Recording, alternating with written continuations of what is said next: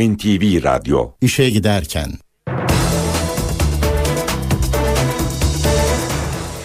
Mutlu sabahlar. Ben Aynur Altunkaş. Bugün 25 Aralık Salı.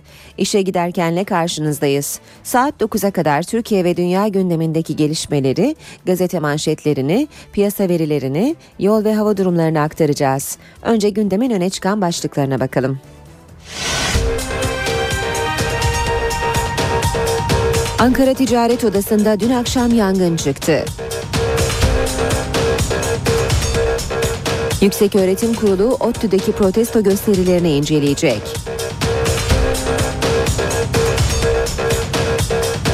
Başbakan Erdoğan'ın böcek açıklaması tartışma yarattı. Muğla'daki trafik kazasında kaybolan bir yaşındaki çocuk 26 saat sonra kurtarıldı. Yoğun kar yağışı 200'den fazla köye ulaşımı kapattı. Hatay'daki Amik Ovası sular altında kaldı. NTV Radyo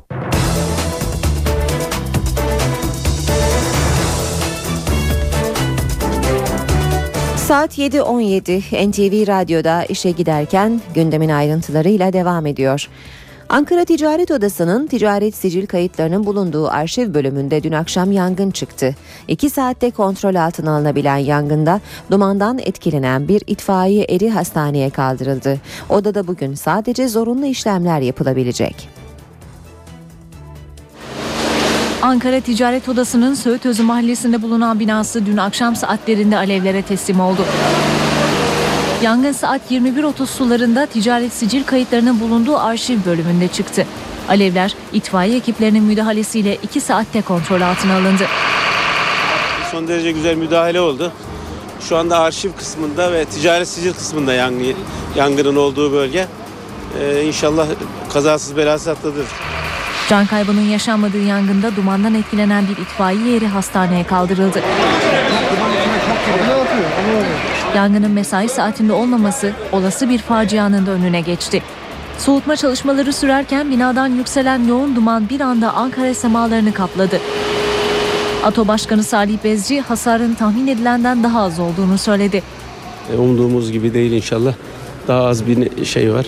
İtfaiye ve belediye ve emniyet görevlileri son derece cansiperane çalıştılar. Kazasız belasız atlattık. Odada zorunlu işlemler dışında yürütülen hizmetler bir günlüğüne gerçekleştirilemeyecek. Dün İstanbul'da da birkaç noktada yangınlar vardı. İlk yangın sabahın erken saatlerinde İstanbul İl Milli Eğitim Müdürlüğü'nün Cağaloğlu'ndaki tarihi binasında çıktı. Binadaki önemli proje ve doküman yandı. İstanbul İl Milli Eğitim Müdürlüğü'nün Cağaloğlu binasında yangın çıktı. Alevler 1860 yılında inşa edilen ahşap binada hızla yayıldı. Bekçinin haber vermesiyle olay yerine itfaiye geldi. Ekipler alevlerin çevre binalara sıçramaması için uğraştı. Elektrik kontağından çıktığı tahmin edilen yangın bir buçuk saatte kontrol altına alındı. Yangının neden çıktığı henüz belli değil ama yangının nasıl yayıldığı belli oldu. Tarihi çiviler yüzünden bloklar arası hatları tutan bu çiviler genleşip fırlayınca yangın kısa sürede büyüdü ve binayı tamamen sardı. İl Milli Eğitim Müdürü Muammer Yıldız hasarın bilançosunu anlattı. Milli Eğitim'in burası beyni, ana hizmet binası. Elbette evraklar, çalışmalar, dosyalarımız, bugüne ilişkin yapacağımız çok önemli çalışmalar. Milli Eğitim Müdürlüğü'nün başka bir yere taşınması ve yanan binanın eğitim müzesi yapılması planlanıyordu. İşte bu yüzden akıllara kundaklama ihtimali de geldi. İddiaya yanıtı İstanbul Valisi verdi. Hayır hayır öyle bir şey yok. Kesinlikle hiç aklınıza bile getirmeyin. Olaydan habersiz binaya gelen müdürlük personeli manzara karşısında şaşkına döndü. 20 yıl ya 20 yıl. Hiç yani söyleyecek bir şey yok. Bina eski olabilir ama e, içindeki elektrik tesisatının herhalde anıtlardan bir izin alınmasına gerek yok diyorum. Yangında ölen ya da yaralanan olmadı. Alevler kontrol altına alındıktan sonra itfaiye saatlerce soğutma çalışması yaptı. Binada büyük maddi hasar meydana geldi. Bir başka yangın haberi de İstanbul Reşitpaşa'dan geldi. Bir binanın çatısında çıkan yangın kısa sürede iki binaya daha sıçradı. Evleri yanan vatandaşlar itfaiyeye tepkiliydi.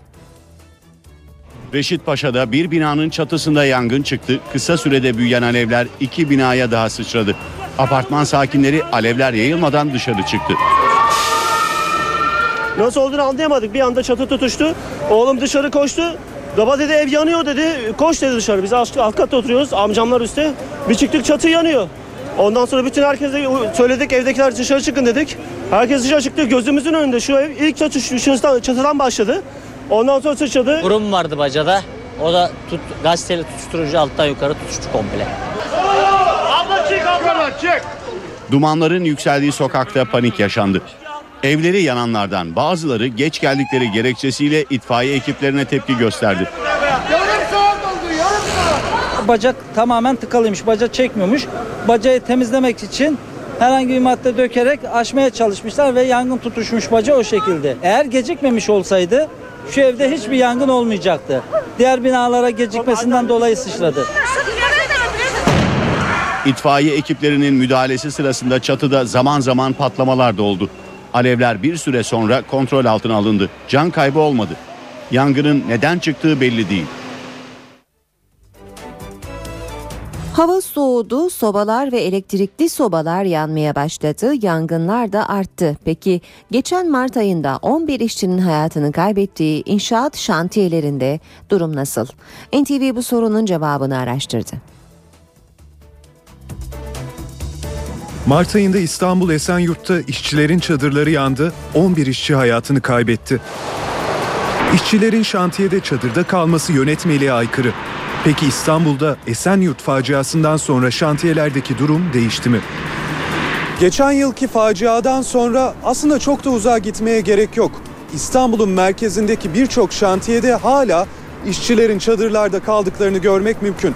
Aslında birçok büyük şantiye çadırlardan konteynerlara geçiş yaptı ancak konteynerlardaki yaşam ve güvenlik koşulları da eleştirilerin hedefinde. Türkiye'deki e, standart konteynerlerin yüksekliği 2,5 metredir. Ee, yine 1973 yılında çıkan yönetmeliğe göre e, barınma koşullarında e, minimum yüksekliğin 2,80 olması gerekiyor. E, dolayısıyla bir işçi için 12 metreküp hava bulunması gerekir herhangi bir konteynerde. Piyasada satılan konteynerlerin de çok çok çok büyük kısmının biz barınma koşullarına uygun olmadığını görmekteyiz. Konteynerde yaşam koşulları da uygun değil. Kimi zaman 5 kişilik konteynerde 8 hatta 10 işçi kalıyor. Isınmak için yat, elektrik sobasını yatağın altına sokan işçiler var yani bunları görürsünüz. Zaten 8 kişi yığmışsınız. Düşünün Allah korusun öyle bir problem çıktığında 8 kişinin bir kapıya yığıldığını düşünün çıkamazlar. İş güvenliği şirketlerinin inşaat firması tarafından görevlendirilmesi de sağlıklı denetim konusunda tartışma yaratıyor. Bizim önerimiz şudur. Mimarlar Odası, e, İnşaat Mühendisleri Odası ve inşaat işçilerinden oluşan e, bakanlığın da temsilcilerinin olduğu bir denetim mekanizmasının kurulması. Biz buna hazırız. E, çünkü biz ölüyoruz. İşe giderken Yoğun kar yağışı tüm yurtta hayatı felç etti. 200'ün üzerinde köye ulaşım sağlanamıyor. Karla mücadele ekipleri çalışmalarını güçlükle de olsa sürdürüyor. Yurdun doğusu kar altında. 200'ün üzerinde köye ulaşım sağlanamıyor. Hakkari Çukurca Karayolu'na ikinci defa çığ düştü. Karın ağırlığından kayalar da parçalanarak yola döküldü.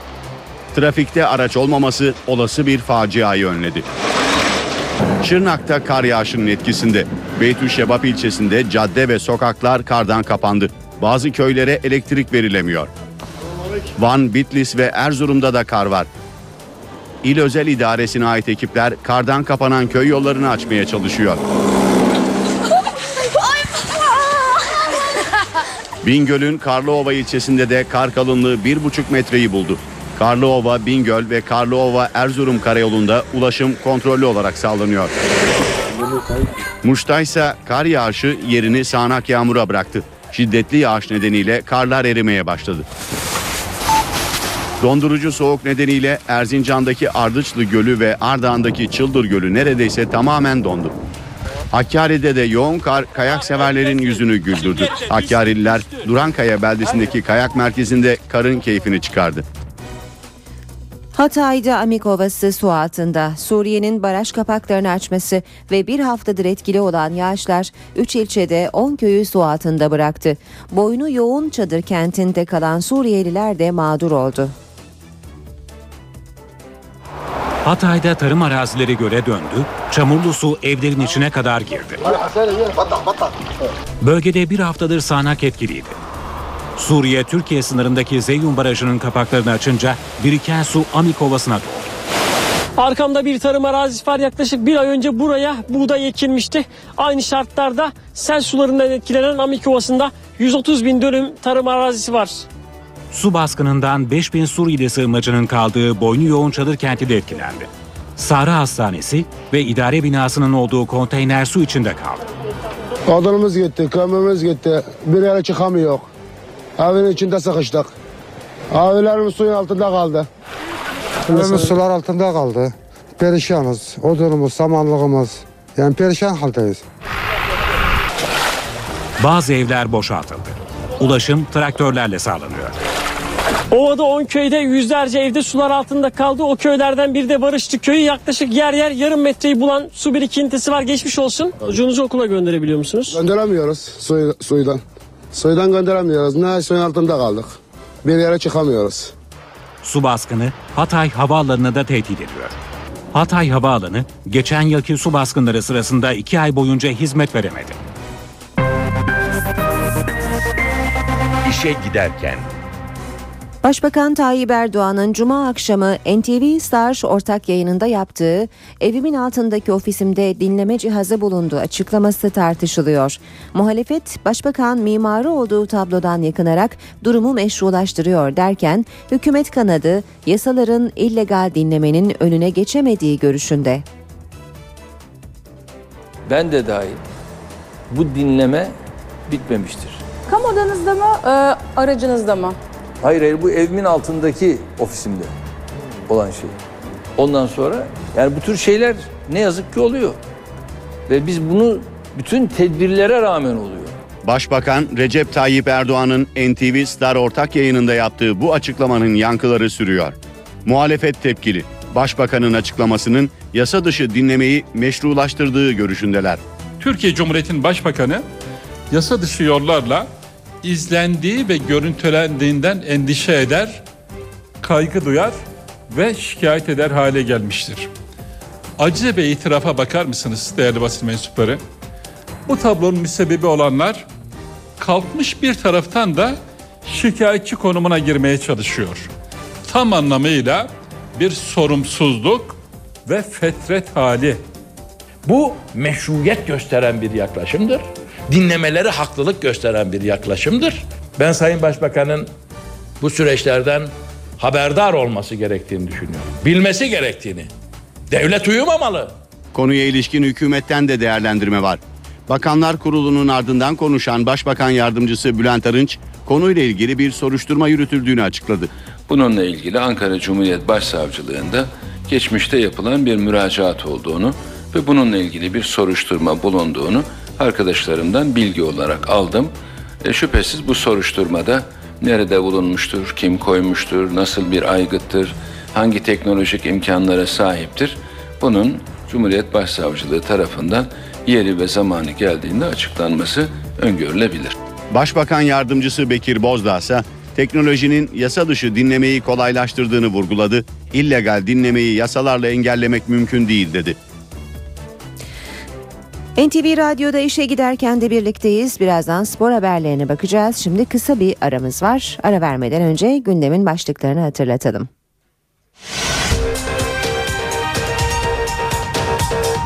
Ankara Ticaret Odası'nda dün akşam yangın çıktı. Yükseköğretim Kurulu ODTÜ'deki protesto gösterilerini inceleyecek.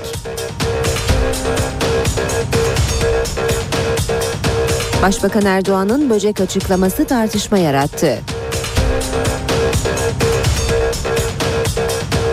Muğla'daki trafik kazasında kaybolan bir yaşındaki çocuk 26 saat sonra kurtarıldı. Yoğun kar yağışı 200'den fazla köye ulaşımı kapattı. Hatay'daki Amik Ovası sular altında kaldı.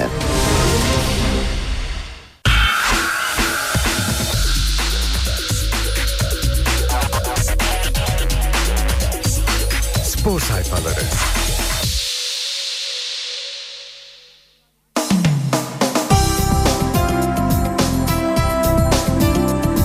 Saat 7.36 NTV Radyo'da işe giderken spor haberleriyle devam ediyor.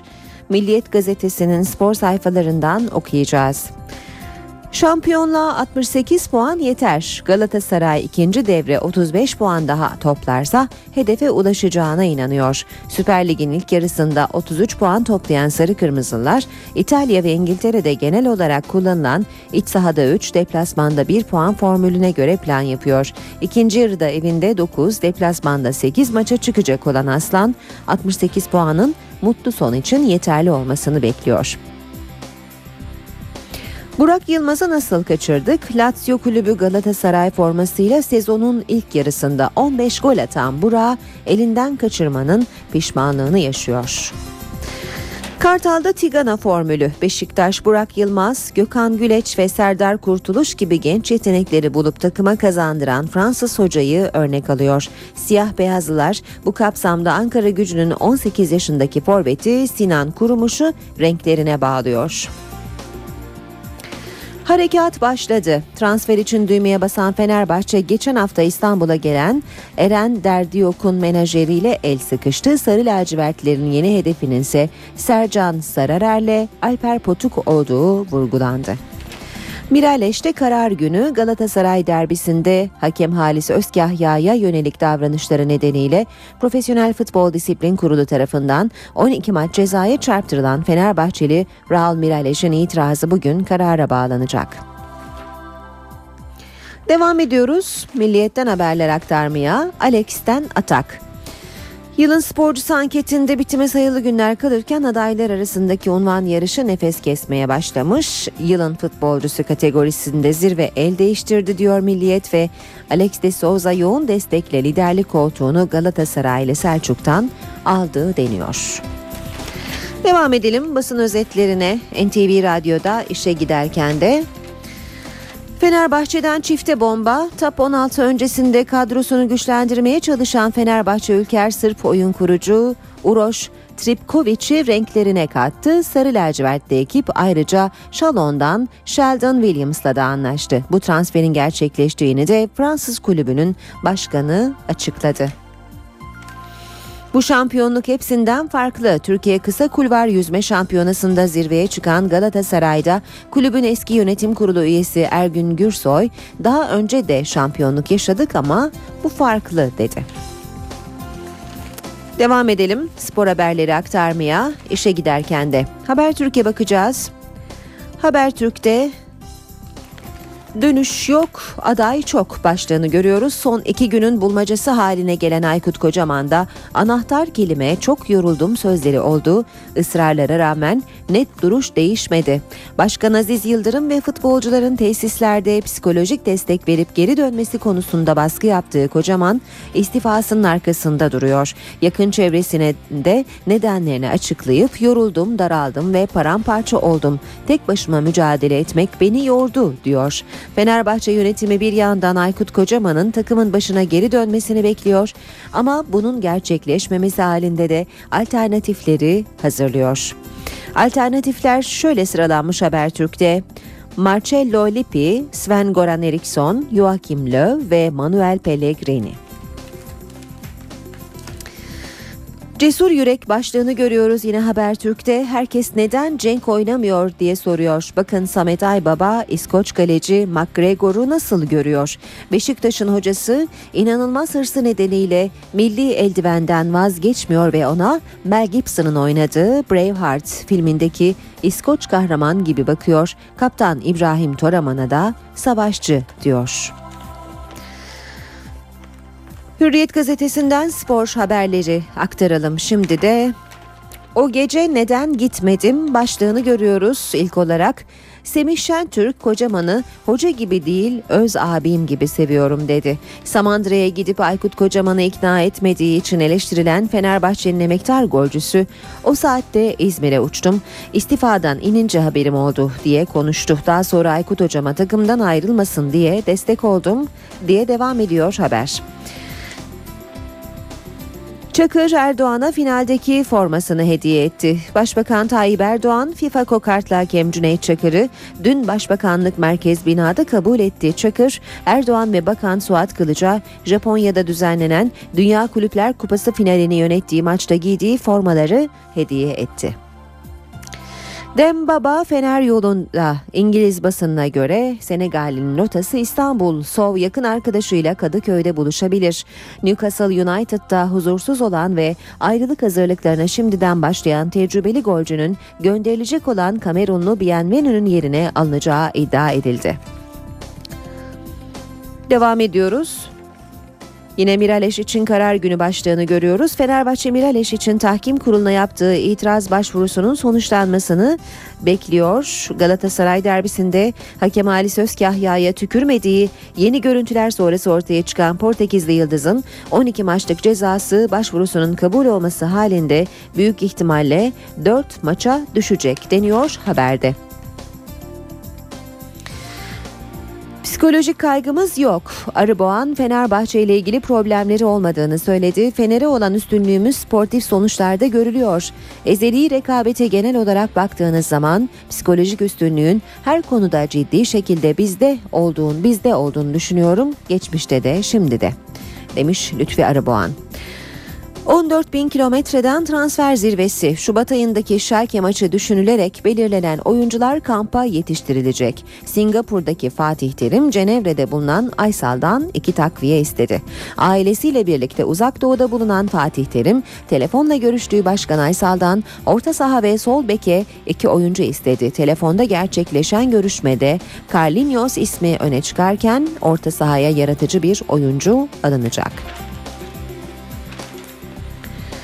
NTV Radyo'da işe giderken devam ediyor. Spor haberleri aktarıyoruz. Ronaldo'ya biçilen fiyat 200 milyon euro. Başlıklı haberi de aktaralım. Real Madrid, Manchester United'a dönmek isteyen futbolcunun değerini belirledi. Dünya üzerinde bu çılgın rakamı veren bir kulüp çıkar mı? İspanyol kulübü 94 milyon euroya transfer ettiği Portekizli yıldızının bonservis bedelini ikiye katladı.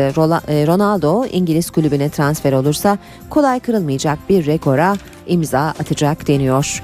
Spor haberlerini böylece bitiriyoruz. Şimdi İstanbul trafiğindeki son duruma bakalım.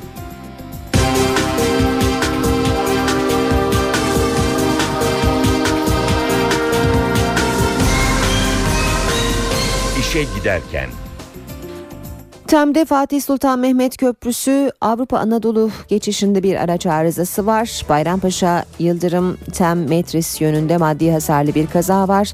D100'de Beylikdüzü Haramidere kavşağı yönünde de yine bir kaza meydana geldi. Bayrampaşa Otogar Hal e, Bayrampaşa Otogar'dan Hale gidiş yönünde de bir araç arızası var. D100'de Darül Ok Meydanı yönünde maddi hasarlı bir kaza meydana geldi. Tüm bu saydıklarımız sebebiyle söz konusu bölgelerde trafik oldukça yoğun seyrediyor. Boğaziçi Köprüsü Anadolu Avrupa geçişinde yoğunluk Çamlıca'da başlıyor ve Çağlayan'a kadar devam ediyor. Ters yönde ise Zincirli Kuyu'da başlayan trafik köprü çıkışına kadar da bir süre etkisini sürdürüyor. Fatih Sultan Mehmet Köprüsü Anadolu Avrupa geçişinde yoğunluk Çavuşbaşı istikametiyle Çavuşbaşı itibariyle kendini oldukça e, yoğun şekilde hissettiriyor. Ayrıca Ümraniye kavşağında da yine yoğun bir trafik söz konusu. Kartal'da kavşak çalışması sebebiyle yoğunluk var Pendik yönünde. Kaynarca'da da yine yoğun bir trafik olduğunu gözlüyoruz. Bostancı Kozyatağı yönünde de seyir hızı oldukça yavaş.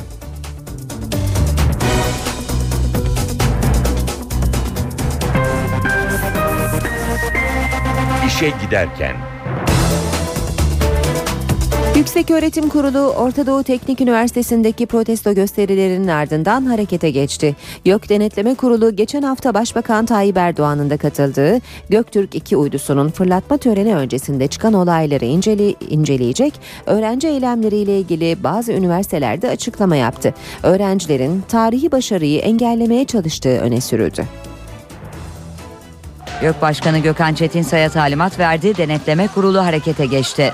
Gök Denetleme Kurulu geçen hafta Göktürk 2 uydusunun fırlatılma töreni öncesinde Başbakan Recep Tayyip Erdoğan'a yönelik protesto gösterileri ve yaşanan şiddet olayları ile ilgili inceleme yapacak. Talimatı veren YÖK Başkanı Çetin Saya, ODTÜ'de yaşananları akademik özgürlüğün ihlali olarak değerlendirdi. Yüksek Öğretim Kurulu olarak vazgeçemeyeceğimiz en temel ilkemiz akademik özgürlüktür. Akademik özgürlük hem öğrencilerin ve öğretim üyelerinin kendilerini özgürce ifade edebilmelerini hem de kampüse gelen misafirlerin ifade özgürlüğünü gerektirir. Bunu ihlal eden her davranış akademik özgürlüğü ihlaldir ve kabul edilemez. Şiddete başvurarak akademik özgürlükleri sınırlamak, eğitim ve öğretimi engellemek asla mazur görülemez. ODTÜ'deki olaylarla ilgili İstanbul'daki 5 üniversitede ortak açıklama yaptı. Marmara, İstanbul Teknik, Yıldız Teknik, Galatasaray ve Mimar Sinan üniversitelerinin açıklamasında bazı öğrencilerin Türkiye'nin tarihi başarısını şiddet eylemleriyle gölgelemeye çalıştığı ileri sürüldü. Hacettepe, Afyonkaratepe ve Bingöl üniversiteleri de benzer açıklamalar yaptı. Şiddet içeren protesto gösterilerinin kabul edilemeyeceği vurgulandı. YÖK'ün yeni yasa taslağına ilişkin çalışmalar devam ediyor. Son olarak ÖSYM de görüş ve önerilerini YÖK'e iletti. ÖSYM, üniversitelerin hazırlık sınıflarında uygulanan yabancı dil sınavlarının merkezi sistemle yapılmasını istiyor. ÖSYM, sınavlarla ilgili bölümlerin netleşmesini ve hazırlıktaki yabancı dil sınavlarının merkezi sistemle yapılmasını istiyor. ÖSYM'nin YÖK'ün yeni taslağına ilişkin görüşlerinde öne çıkan iki madde böyle. ÖSYM Başkanı Ali Demir imzalı görüş metninde genel kurulu üyeleri arasında ÖSYM Başkanı'nın yer almasının YÖK'ün grevlerinin daha etkin ve verimli yürütülmesi açısından gerekli olduğu vurgulandı. Taslakta yüksek öğretim kurumlarındaki öğretim görevlisi, okutman, uzman ve araştırma görevlisi kadrolarına ÖSYM'nin yapacağı merkezi bilim sınavıyla personel alınacağına ilişkin bir hükmün yer aldığı belirtildi. Bu kapsamda ÖSYM'nin yılda en az iki defa yabancı dil ve alanlarına göre yılda en az bir defa bilim sınavı yapmasının öngörüldüğünün ancak bilim sınavının hangi alanlarda yapılacağının belirsiz olduğunun altı çizildi.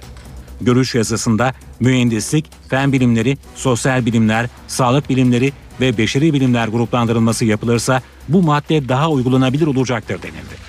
ÖSYM'nin görüş yazısında her üniversitenin kendi bünyesinde gerçekleştirdiği hazırlık sınıfındaki yabancı dil sınavının merkezi sistemle yapılması da önerildi.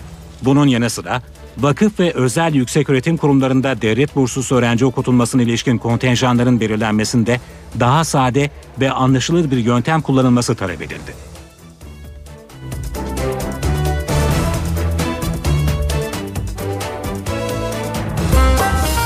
İşe giderken Muğla'da bir yaşındaki çocuk trafik kazasında anne ve babasını kaybetti. Kendisi de uçurumdan yuvarlanan otomobilin içindeydi ama kazadan tam 26 saat sonra mucizevi bir şekilde kurtarıldı.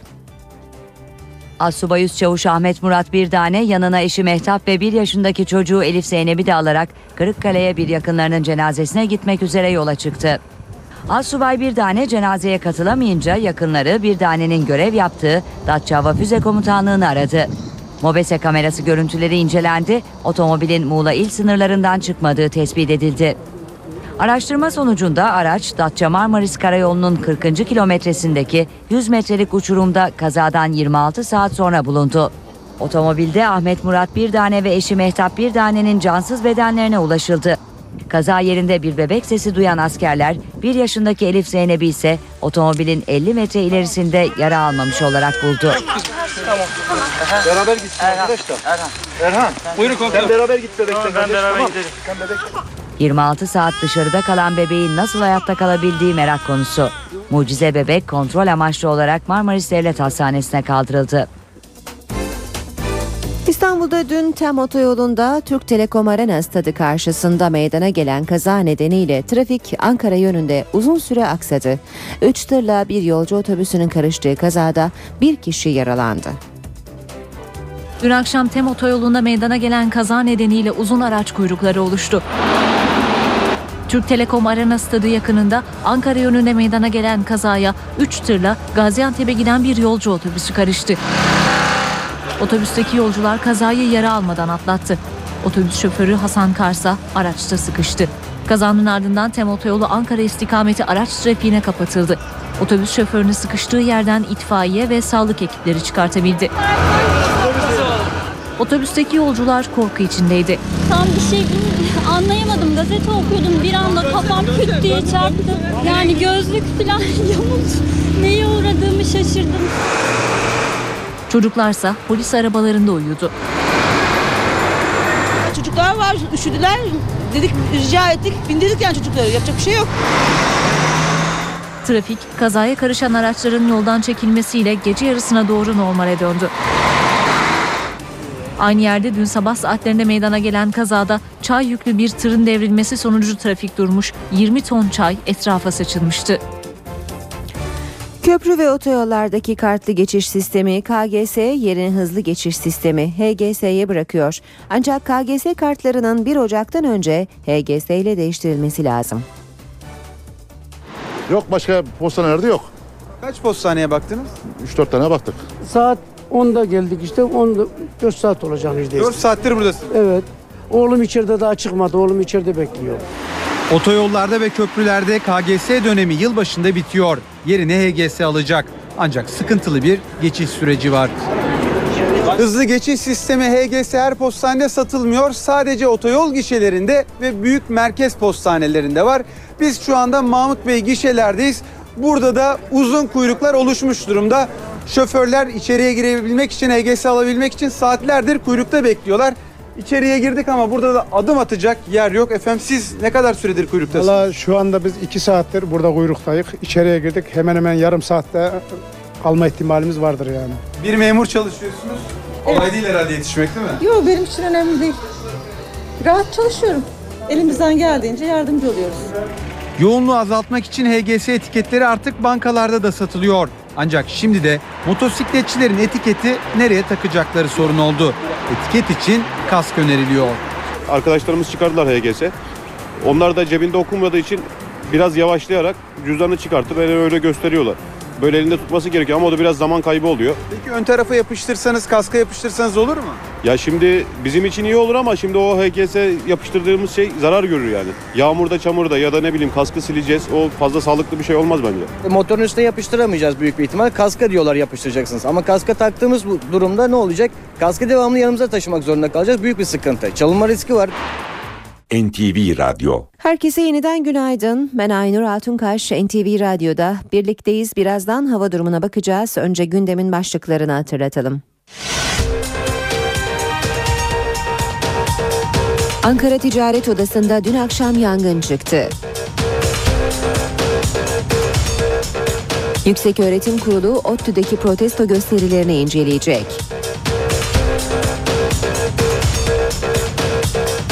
Başbakan Erdoğan'ın böcek açıklaması tartışma yarattı. Muğla'daki trafik kazasında kaybolan bir yaşındaki çocuk 26 saat sonra kurtarıldı. Yoğun kar yağışı 200'den fazla köye ulaşımı kapattı. Hatay'daki Amik Ovası sular altında kaldı. NTV Radyo Ve hava durumu için yanımızda Gökhan Abur var. Günaydın Sayın Abur. Günaydın. İç kesimlerde ve boğazda sis ve pus olabilir demiştik. Ee, sebebi de Lodos'tu. Neler söyleyeceksiniz? Evet e, Lodos sıcak havayı taşıdı ve sıcak havanın gelmesiyle birlikte özellikle biz e, meteorolojide bu tip olaylara kararlı hava koşulları diyoruz.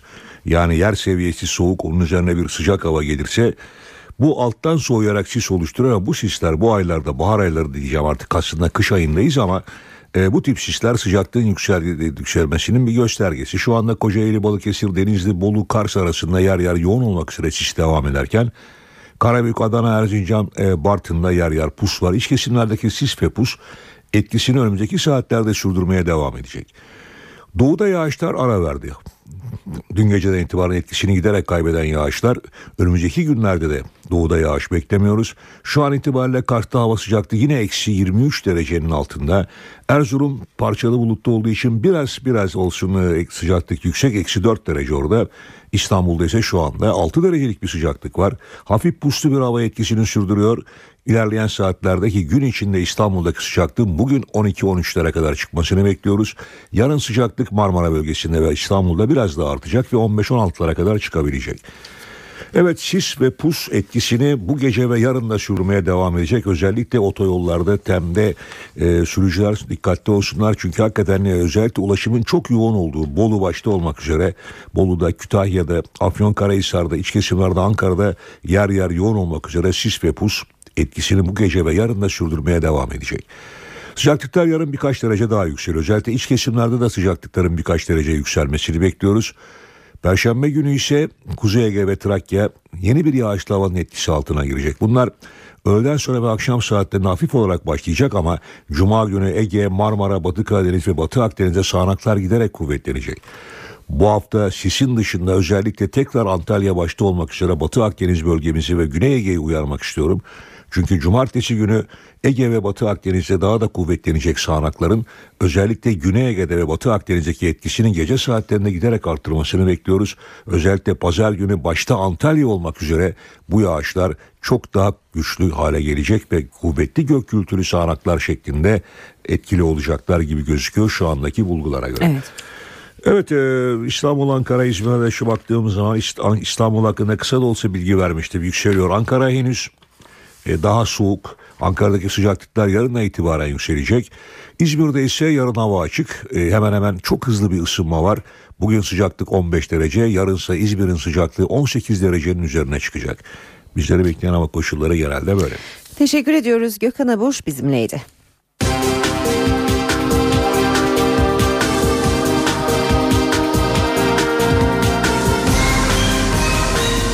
İşe giderken. İşe giderken gazetelerin gündemi.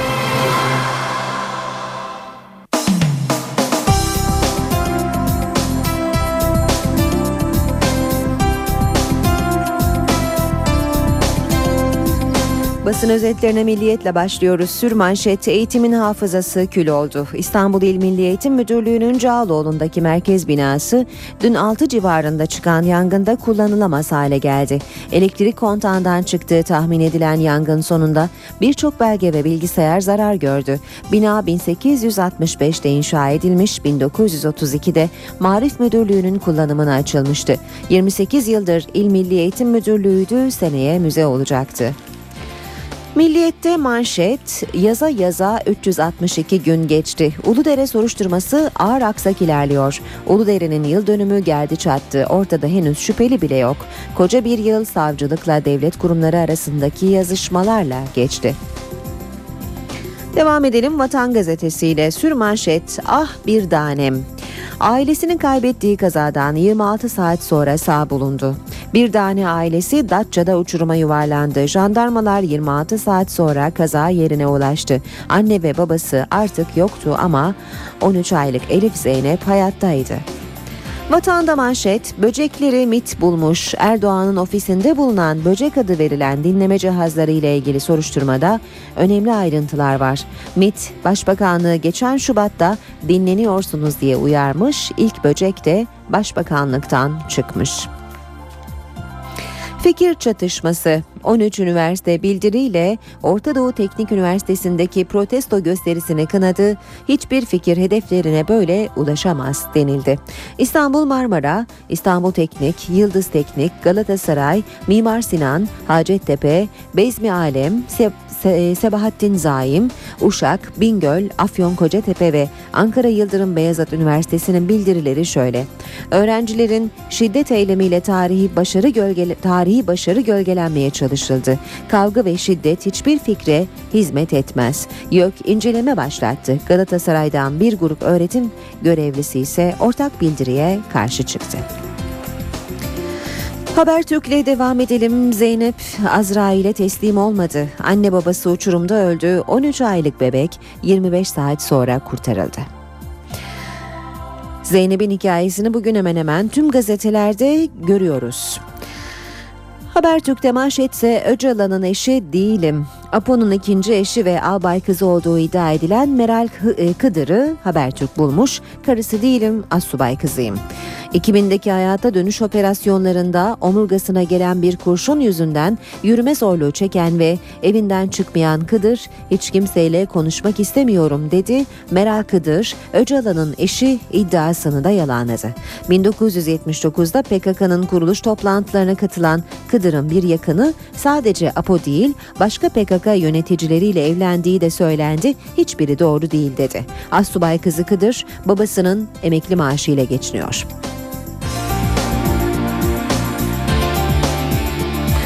Radikalle devam edelim. Kavga çıkar diyor radikal manşette. Bakan Nihat Ergün Ergün'e göre anayasa değişmezse başbakan kim olursa olsun seçilmiş bir cumhurbaşkanı ile arasında gerilim kaçınılmaz. Bilim ve Teknoloji Bakanı Ergün, Cumhurbaşkanını halk seçince fiilen yarı başkanlık olacak ama resmen adını koyamayacağımız için gerilim kaçınılmaz diyor. Ergün'e göre Cumhurbaşkanı ve Başbakan AK Parti'den olsa dahi ufukta gerilim, art, gerilim var. Çünkü gerilimi kişiler değil sistem kendiliğinden üretecek. Zaman gazetesiyle devam ediyoruz. 27 Mayıs'ın meclisteki son izleri silindi diyor Zaman manşette. Merhum Başbakan Adnan Menderes için iade itibara hazırlanan Türkiye Büyük Millet Meclisi 27 Mayıs 1960 darbesinin meclisteki son izlerini de sildi. İktidar kulisi bölümünün duvarlarında asılı olan ve o günkü meclis binasının çevresini askerler ve askeri araçlarla dolu gösteren fotoğraflar kaldırıldı. 1961'de çekilmiş fotoğraf fotoğrafların yerine meclisin açılış sürecini anlatan milli egemenlik belgeleri asıldı.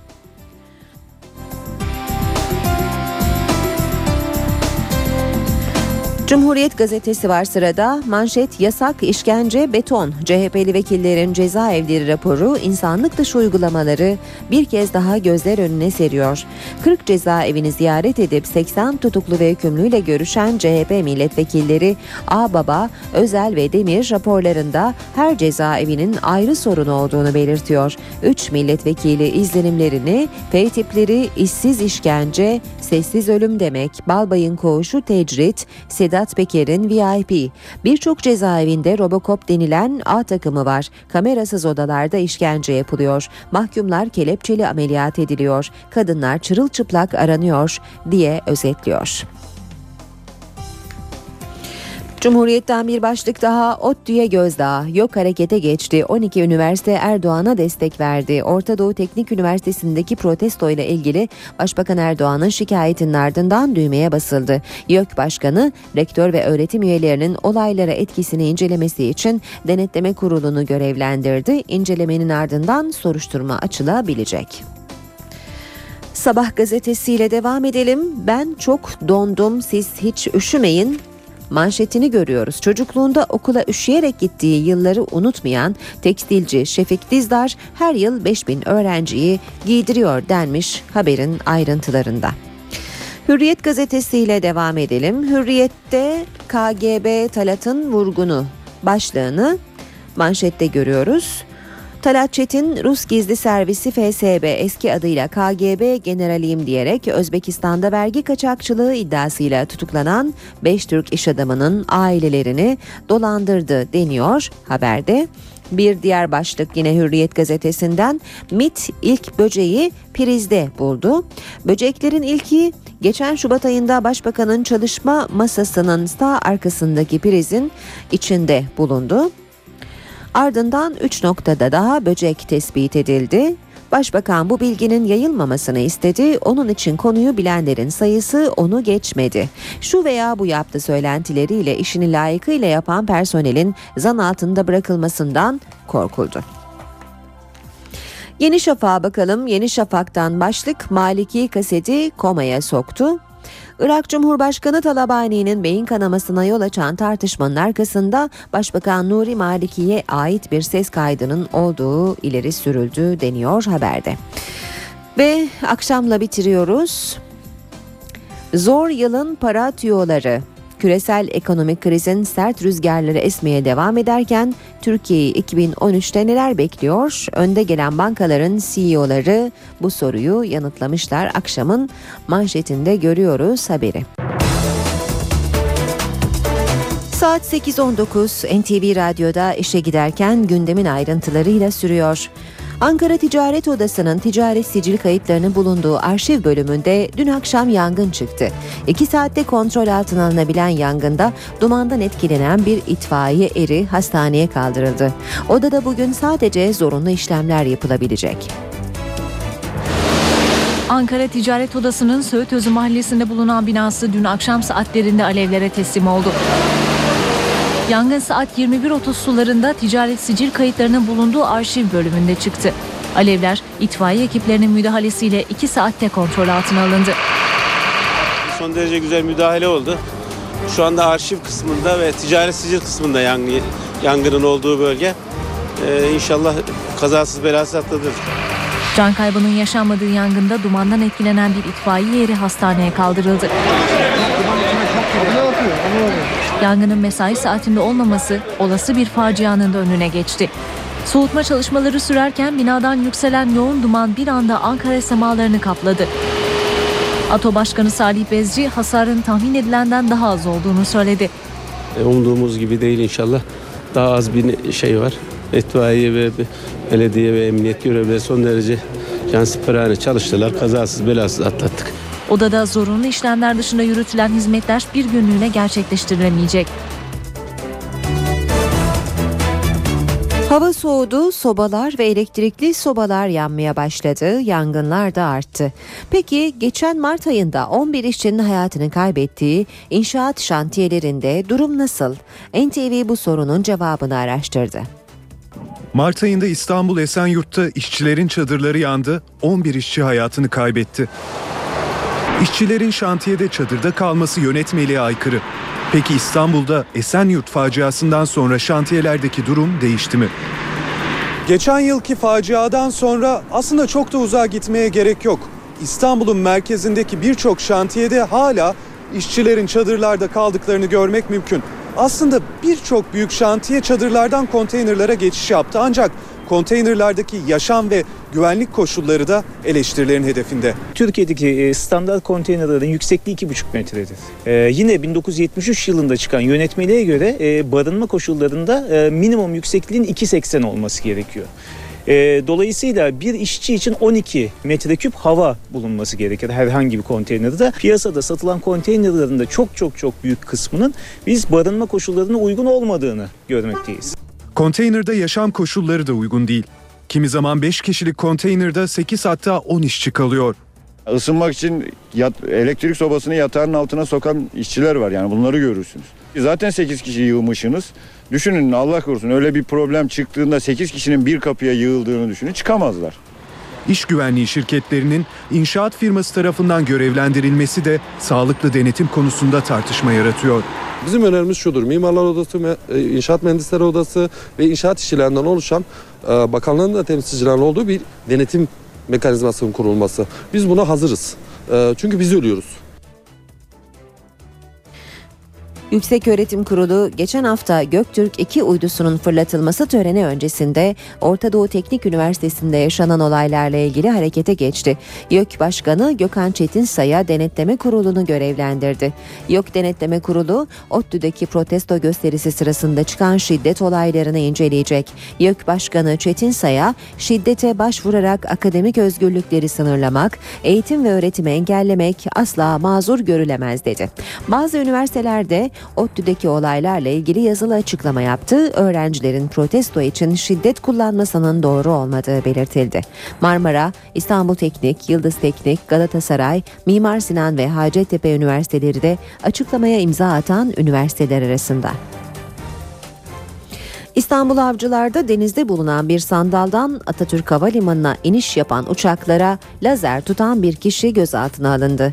Ağrı İstanbul seferini yapan Türk Hava Yolları'na ait bir yolcu uçağı dün akşam iniş yapmak için deniz üzerinden alçalmaya başladı. Uçak avcılar üzerine geldiğinde denizde bir sandaldan lazer tutuldu. Pilot durumu Hava Trafik Kontrol Kulesi'ne bildirdi. Bölgede uçuş yapan bir polis helikopteri de aynı frekanstan yapılan telsiz anonsunu duyunca harekete geçti ve şüphelinin yerini tespit etti. Sandalda bulunan şüpheli gözaltına alınarak Avcılar İlçe Emniyet Müdürlüğü'ne götürüldü. İstanbul'da yarın ve Perşembe günü Kadıköy'le Avcılar'da bazı bölgelere su kesintisi yapılacak. Eskiden yapılan açıklamada ayrılık çeşme mevkiindeki dere ıslah çalışmaları nedeniyle Kadıköy'de bazı bölgelere yarın saat 8'den Perşembe saat 14'e kadar su verilemeyeceği duyuruldu. Buna göre Osman Ağa, Cafer Ağa, Rasim Paşa, Zühtü Paşa, Hasan Paşa, Koşuyolu ve Dumlupınar mahallelerinin tamamıyla Fikirtepe ve Acıbadem mahallelerinin bir kısmına 30 saat süreyle su verilemeyecek. Avcılar'da da üniversite mahallesinde gerçekleşecek çalışmalardan dolayı yarın saat 9 ile 21 arasında Mustafa Kemal Paşa, üniversite ve Firuzköy mahallelerinin tamamıyla Yeşilkent, Gümüşbala, Cihangir ve merkez mahallelerinin bir bölümü su alamayacak. Ankara gündemi. Başkent gündeminin ayrıntılarını NTV muhabiri Murat Barış Koralp aktarıyor. Bugün Ankara'nın önemli bir konuğu var. Tunus Başbakanı Hamadi Cebali Ankara'da olacak. Öncelikle Meclis Başkanı Cemil Çiçek'le bir araya gelecek. Ardından Çankaya Köşkü'nde Abdullah Gül tarafından kabul edilecek. Üçüncü temasında Başbakan Erdoğan'la temasında resmi törenle karşılanacak. Daha sonra iki başbakan baş başa bir görüşmeye girecekler. Ardından da iki liderin kameraların karşısına geçerek ortak bir basın toplantısı yapmalarını bekliyoruz. Hamadi Cebali'nin sadece devletin zirvesiyle randevuları yok. Ekonomi gündemiyle bir randevusu da var.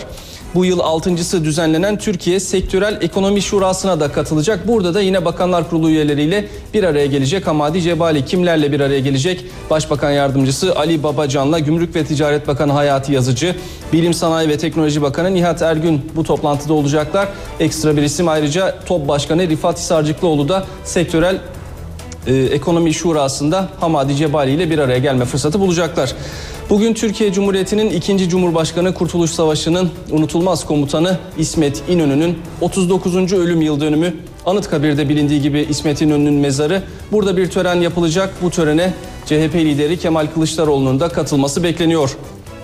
Çalışma ve Sosyal Güvenlik Bakanı Faruk Çelik bugün 2012'nin genel bir değerlendirmesini yapacak. 2013 yılına ilişkinde hedefleri anlatacak bir basın toplantısıyla bunu duyuracak Faruk Çelik.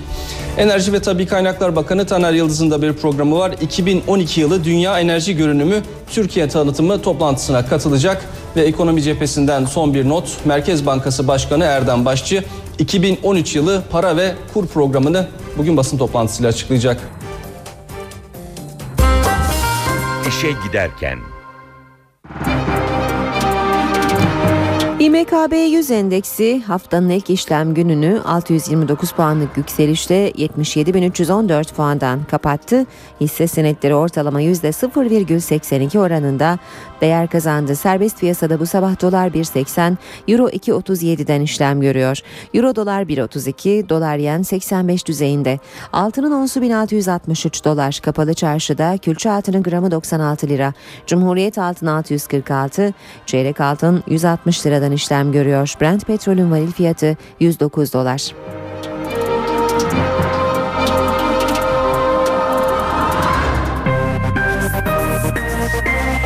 İşe giderken.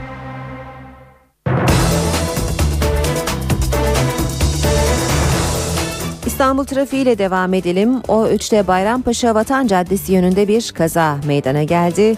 D100'de Merter Cevizli Bağ yönünde kalan bir araç var. Tem'de Fatih Sultan Mehmet Köprüsü Avrupa Anadolu yönünde bir araç arızası var.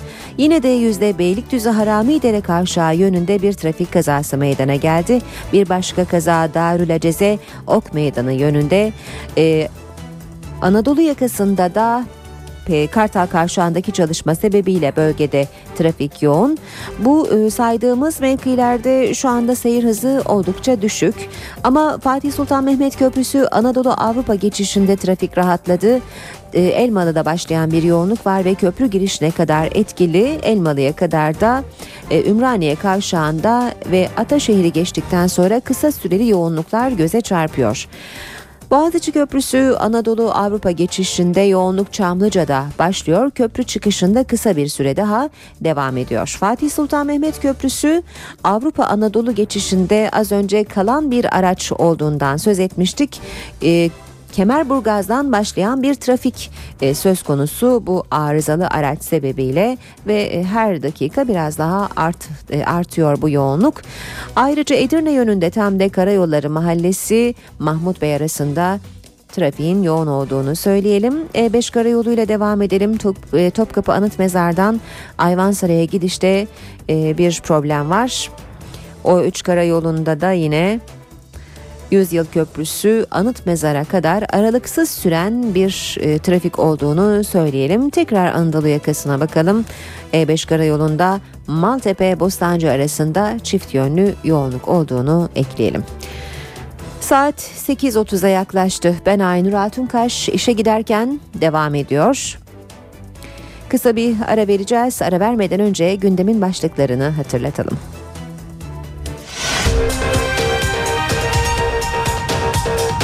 Ankara Ticaret Odası'nda dün akşam yangın çıktı. Yüksek Öğretim Kurulu ODTÜ'deki protesto gösterilerini inceleyecek.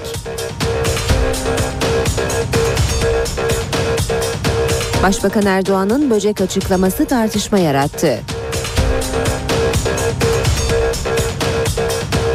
Muğla'daki trafik kazasında kaybolan bir yaşındaki çocuk 26 saat sonra kurtarıldı. Yoğun kar yağışı 200'den fazla köye ulaşımı kapattı. Hatay'daki Amik Ovası sular altında kaldı.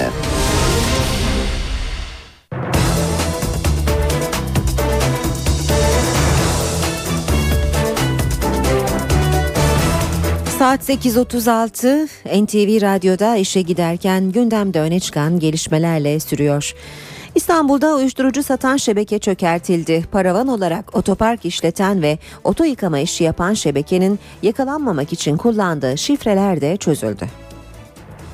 Turbo araba kokain, hızlı araba bonzai, lüks spor araba eroin, dizel araba esrar. Bunlar paravan olarak otopark ve oto yıkama işi yapan uyuşturucu şebekesinin satışta kullandığı şifreler.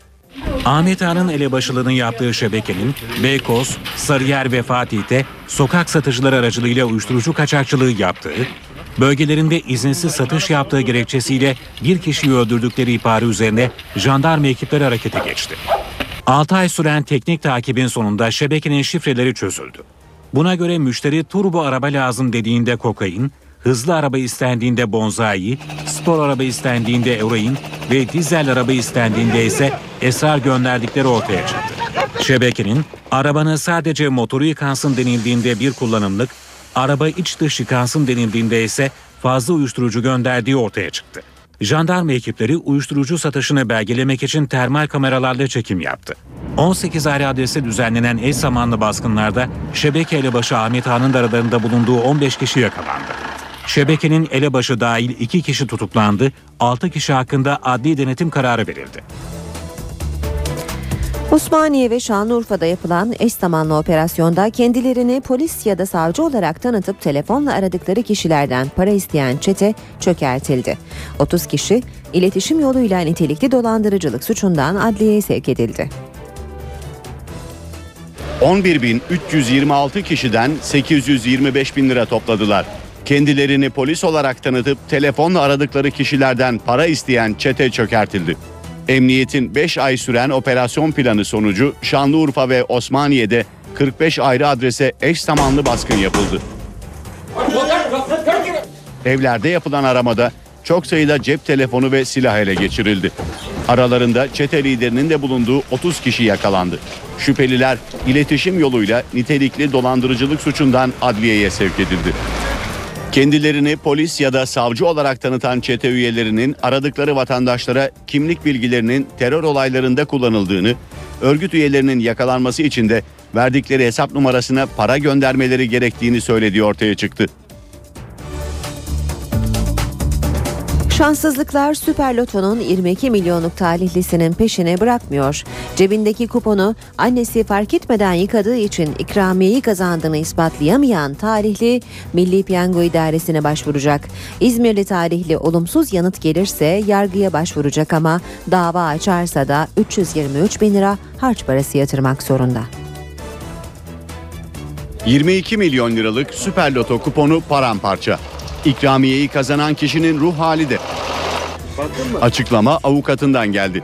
Milli Piyango İdaresi'ne ibraz ettiğimiz takdirde behemahal bize buyurun ikramiyenizi denebilecek bir yapı yok. Pamukla kağıt arasında bir evraktan söz ettim. Lime lime tabiriyle bir evraktan söz ettim. Şimdi bu belgeyi siz de gördüğünüz zaman tamam bu belge geçerli demezsiniz. Avukat Şakir Balcı kuponun giysiyle birlikte yıkandığını ağır hasar olduğu için ispatta sıkıntı yaşadıklarını anlattı. Şimdi Milli Piyango İdaresi'ne başvuracaklar. Olumsuz yanıt gelirse dava açılacak ancak bunun önünde de büyük bir engel var. İlgilinin dava açmak üzere yatıracak olduğu para 323 bin lira. İlgilinin bu rakamları karşılama şansı şu anda sıfırın altında görünüyor. Avukat Şakir Balcı müvekkilinin psikolojik destek aldığını da söyledi. Negatif bir pozisyon oluşursa da talihlinin içinde bulunduğu durumu dikkate almanızı isterim. Talihli bu neden benim başıma geldi diyecek noktada, kahretmiş bir noktada ama onu hem iyiye hem kötüye hazırlamak adına gereken çalışmaları yapıyor. Milli Piyango İdaresi Genel Müdürlüğü ikramiye kazanan Süper Loto kuponunun kendilerine ibraz edilmediğini, kupon ulaştıktan sonra gerekli incelemenin yapılacağını açıkladı. Genel Müdürlük ikramiye ödenebilmesi için gerekli şartları da açıkladı. Buna göre ikramiye ödenmesi için bir bilette en az çekilen sayılar, barkod, bilet güvenlik numarası, çekiliş tarihi ve arka yüzündeki bilet seri numarasının açık şekilde okunması gerekiyor. İşe giderken Birleşmiş Milletler ve Arap Birliği'nin Suriye özel temsilci Silahtar Brahimi göreve geldikten sonra üçüncü kez Şam'daydı. Brahimi, devlet başkanı Beşar Esad'la görüştü. Arap Birliği kaynaklarına göre Brahimi görüşmede Esad'a Rus-Amerikan ortak önerisini iletti.